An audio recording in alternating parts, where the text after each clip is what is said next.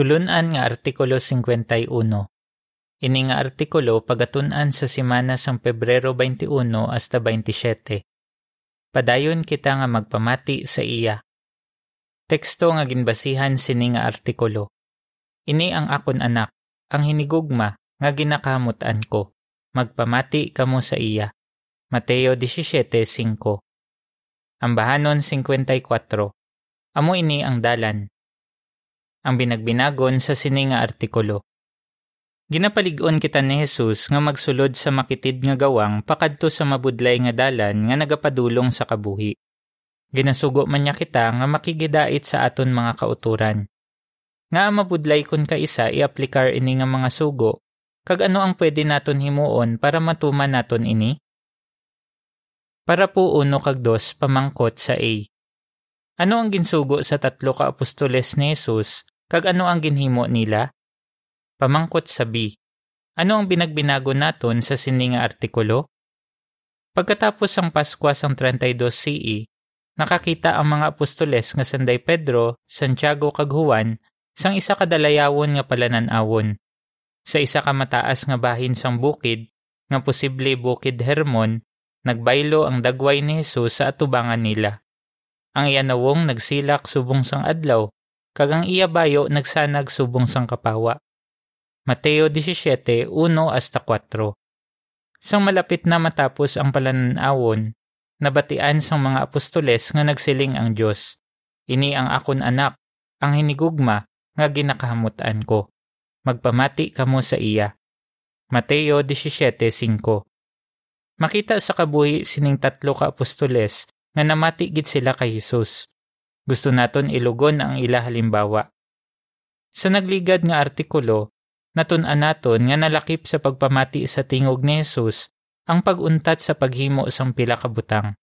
Sa sini nga artikulo, binagbinago naton ang duwa ka butang nga ginsiling ni Jesus nga dapat naton himuon. Magsulod kamo sa makitid nga gawang. Para po tres pamangkot. Suno sa Mateo 7:13 kag 14, ano ang dapat naton himuon? Ang Mateo 7:13 kag 14 nagasiling. Magsulod kamo sa makitid nga gawang, kay masangkad ang gawang kag malapad ang dalan nga nagapadulong sa kalaglagan, kag madamo ang nagaagi sa sini. Apang makitid ang gawang kag mabudlay ang dalan nga nagapadulong sa kabuhi, kag pila lamang ang nakatultol sini. Talupang da nga may ginsambit si Jesus nga duwa ka klase sang gawang nga nagapakadto sa duwa ka klase sang dalan. Ang isa amo ang malapad nga dalan, kag ang isa pa amo ang mabudlay nga dalan wala sing ikatlo nga dalan. Dapat kita magdesisyon kung sa diin kita nga dalan maagi. Amo ini ang pinakaimportante nga desisyon nga dapat naton himuon kay isa lang ang dalan nga nagapadulong sa kabuhi nga wala sing katapusan. Para po 4 pamangkot. Paano mo ilaragway ang malapad nga dalan? Dapat naton tandaan ang kinalain sang duwa ka dalan. Gusto sang mga tawo ang malapad nga dalan bangod mahapos ang pag-agi diri. Masubo gid kay madamo ang nagaagi sa sini nga dalan kag ginasunod nila ang ginahimo sang mga tawo nga nagaagi man sa sini. Wala nila nahangpan nga si Satanas nga yawa, amo ang nagaimpluwensya sa mga tawo nga mag-agi sa sini nga dalan kag nagapadulong ini sa kamatayon. Para po singko pamangkot. Ano ang ginhimo sang iban para makita nila ang mabudlay nga dalan kag makaagi sila sa sini? Hindi pareho sa malapad nga dalan ang isa pa kadalan. Nagsiling si Jesus nga mabudlay ini nga dalan kag pila lamang ang nakatultol sini. Nga a? Sa masunod nga bersikulo, ginpaandaman ni Jesus ang iyang mga sumulunod parte sa butig nga mga manalagna. Suno sa pila ka tawo, linibo ang reliyon. Ang kalabanan sa sini nagasiling nga nagatudlo sila sang kamatuoran. Bangod sang kadamuon sang mga reliyon, nagamuhan ang madamo nga tawo kag wala na sila gana nga pangitaon ang dalan nga nagapadulong sa kabuhi. Pero posible gid nga makita ini nga dalan. Si Jesus nagsiling, Kung ginatuman ninyo permi ang akon ginatudlo, mga disipulo ko gid kamo. Kag mahibaloan ninyo ang kamatuoran, kag ang kamatuoran magahilway sa inyo. Juan 8:31 kag 32. Maayo gid ang inyo ginhimo kay wala ninyo ginsunod ang ginahimo sang kalabanan nga tawo. Sa baylo, Ginpangita ninyo ang kamatuoran. Gintun-an ninyo sing maayo ang pulong sang Dios para mabalaan ninyo ang iya mga ginapatuman. Kagin pamatian ninyo ang mga gintudlo ni Jesus. Natun-an ninyo nga gusto ni Hoba nga hindi naton pagpatihan ang mga ginatudlo sang butig nga relihiyon, kag gusto niya nga hindi na naton pagselebrahon ang mga selebrasyon nga naghalin sa butig nga reliyon. Natun-an man ninyo nga hindi mahapos ang paghimo sa mga ginapatuman ni Jehova kag ang paguntat sa mga buhat nga wala niya nahamutan. Posible nga ginbudlayan kamo sa paghimo sang mga pagbag-o. Pero nagpanikasog kamo, bangod palangga ninyo ang inyo amay sa langit, kag gusto ninyo nga malipay siya. Sigurado gid nga nalipay siya sa inyo. Kung paano kita makapabilin sa mabudlay nga dalan. Para po sa pamangkot. Suno sa Salmo 119, 9 Gs 45 kag 133, ano ang makabulig sa aton nga makapabilin sa mabudlay nga dalan? Kung nagaagi na kita sa mabudlay nga dalan, ano ang makabulig sa aton nga makapabilin sa sini? Binagbinaga ini nga ilustrasyon. Kung makitid ang dalan kag ara ini sa banglid, ginabutangan sang lambay ang kilid sang dalan para maproteksyonan ang mga driver kag ang ilang mga salakyan. Ginatawag ini nga guardrail. Nagabulig ini sa mga driver nga hindi magpatibi-tibi sa banglid o kun mahulog sa sini. Sigurado gid nga wala sing driver nga magareklamo kun nga agin butangan pa sang guardrail ang dalan. Daw pareho sa sini nga guardrail ang mga kasuguan ni Jehova nga mabasa sa Biblia. Ginabuligan kita sini nga mga kasuguan nga makapabilin sa mabudlay nga dalan. Ang Salmo 119, 9 kag 10 nagasiling. Paano matipigan nga matinlo sang isa ka pamatanon ang iya dalanon? Paagi sa pagbantay sang iya kaugalingon suno sa imo pulong. Bugos tagipusoon nga ginapangita ko ikaw. Hindi pag itugot nga talikdan ko ang imo mga sugo. Ang bersikulo 45 nagasiling. Kag magalakat ako sa lugar nga wala sing katalagman, kay nagatinguha gid ako nga tumanon ang imo mga mando.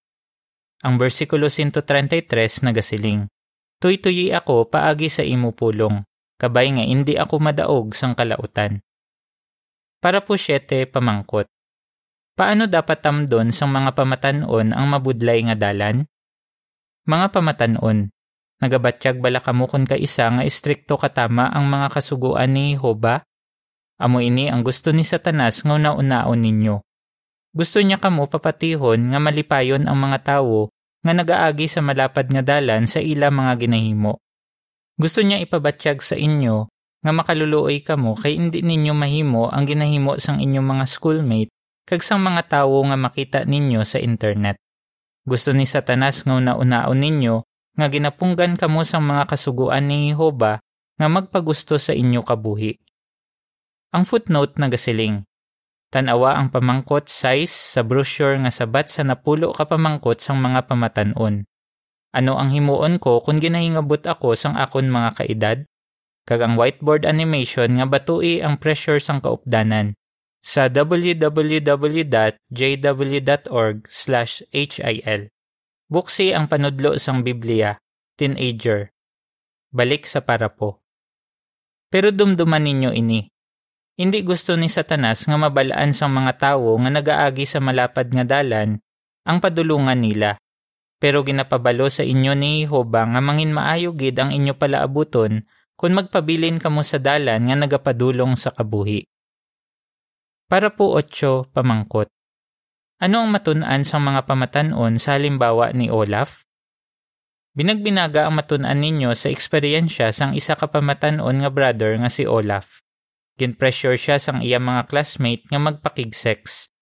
Sang ginpaathag niya nga ginasunod niya ang mga kasuguan sa Biblia bilang isa kasaksi ni Hoba, mas gin-pressure pagid siya sang pila niya ka-classmate nga babayi nga magpakig-sex sa ila. Pero nangin maligon si Olaf kaginhimo niya kung ano ang husto. Hindi lang amo sini ang naeksperyensyahan niya nga pagtilaw. Si Olaf nagsiling. Gin-pressure ako sang akon mga maestro kag maestra nga mag-eskwela sa universidad para dayawon ako sa mga tawo.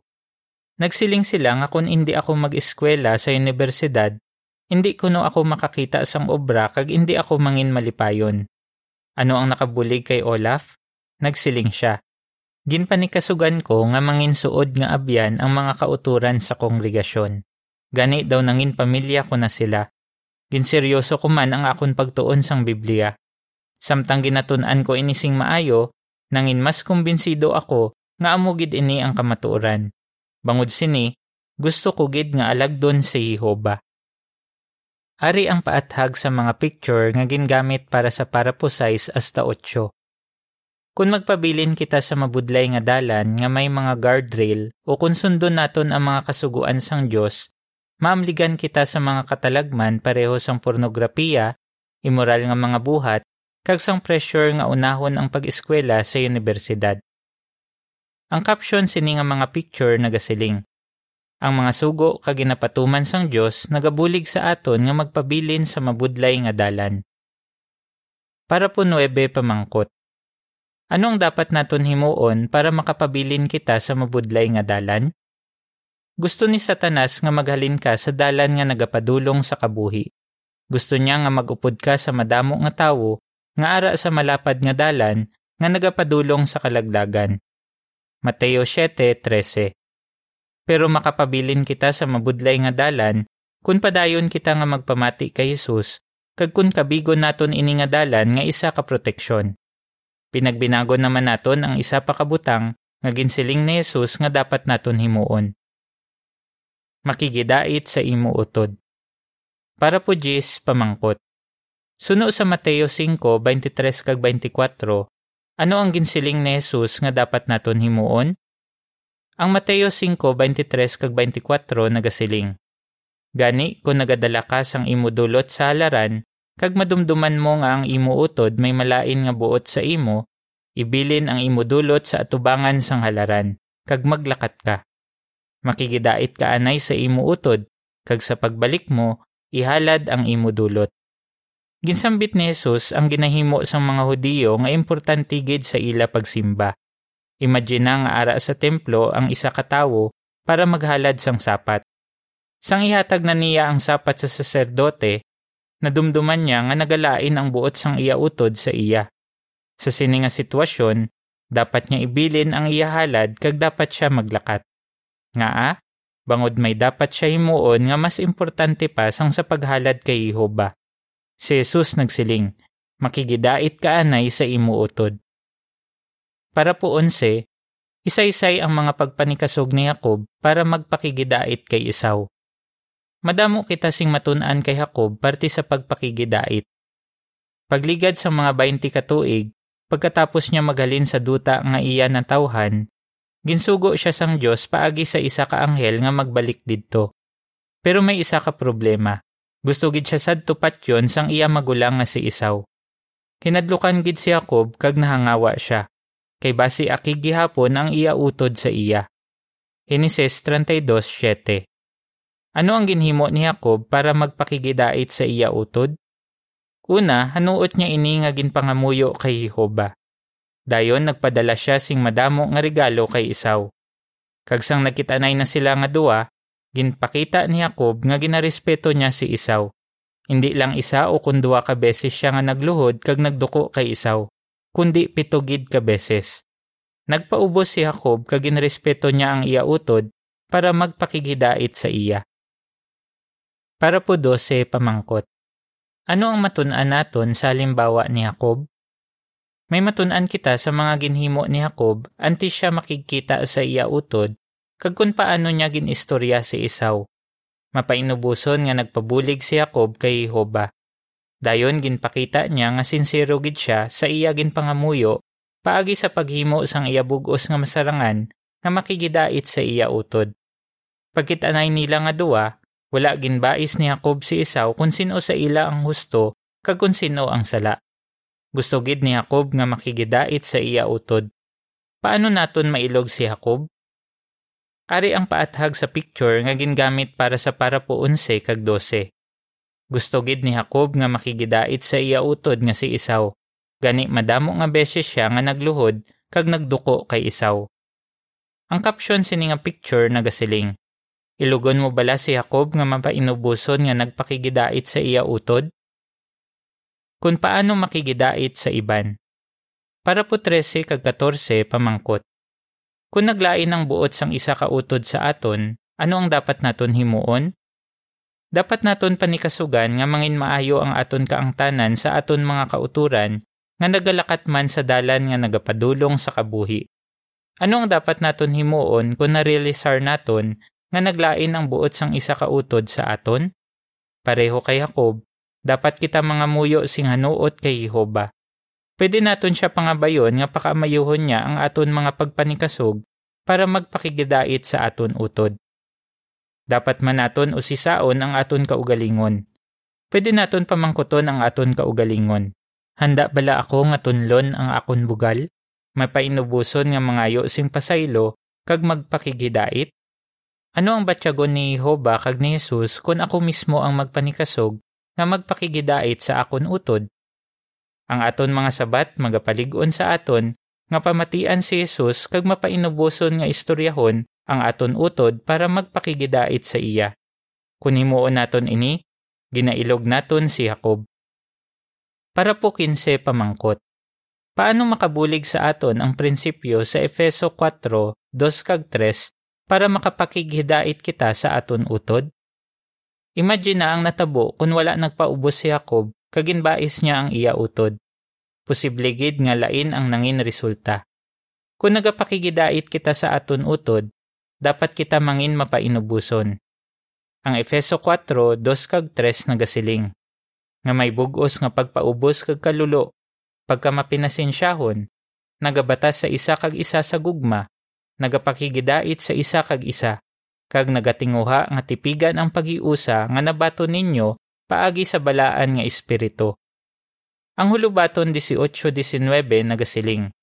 Ang utod nga nahimuan sing sala mas mabudlay daugon sang sa mabakod nga syudad, kag may mga pagbaisay nga kaangay sang pintal sang pamakod. Kung naglain ang buot sang isa ka utod sa aton, daw pareho siya sa isa ka pamakod. Pero kung mapainubuson kita nga magpangayo sing pasaylo sa iya, makabulig ini para madula ang kalain sang iya buot. Para po 16 pamangkot. Ano pa ang dapat naton hunaon sing maayo kag ngaa? Dapat man naton hunaon sing maayo kung ano ang aton isiling sa aton utod kag kung paano naton iniisiling. Kung handa na kita nga istoryahon ang utod nga naglain ang buot sa aton, dapat naton panikasugan nga mag-ayuhay liwat ang aton kaangtanan. Sa umpisa, posible nga may mahambal siya nga makasakit sang aton balatyagon. Bangod sini, basi maakig kita o kung magrason kita sa iya. Pero kung amo sini ang aton reaksyon, hindi gid kita makapakighidait. Tandaan naton nga mas importante nga mag-ayuhay kita liwat sang aton utod sang sa pamatud-an kung sino ang husto kag kung sino ang sala. Para po 17 pamangkot. Ano ang matun-an mo sa halimbawa ni Gilbert? Nagpanikasugid nga makigidait ang isa ka brother nga si Gilbert. Nagsiling siya. Hindi kami mag-intyendihanay sang isa ka miyembro sang amon pamilya. Sobra duwa ka tuig nga nagpanikasug ako nga mag-ayuhay kami liwat. Ginatingwaan ko nga mangintampad kag kalmado kung mag-istorya ako sa iya. Ano pa ang ginhimo ni Gilbert? Sa kada tion nga maistorya ako sa iya, nagapangamuyo anay ako kag ginahuna-una ko nga daan nga hindi ako dapat maakig kung may ihambal siya nga masakit. Dapat handa ako magpatawad. Natunan ko nga hindi ko dapat pag-ipilit nga ako gid ang husto. Kag nahangpan ko nga mas importante nga makigidait ako sa iya. Ano ang resulta? Si Gilbert nagsiling. Subong, malinong ang akon huna-una, bangod maayo ang akon kaangtanan sa tanan nga miyembro sang amon pamilya. Para po 18 kag 19 pamangkot. Kung naglain ang buot sang isa ka utod sa aton, ano ang dapat naton himuon kag ngaa? Gani ano ang dapat mo himuon kung na-realisar mo nga naglain ang buot sang isa ka utod sa imo? Sunda ang sugo ni Jesus nga makigidait. Ipangamuyo ini kay Jehova.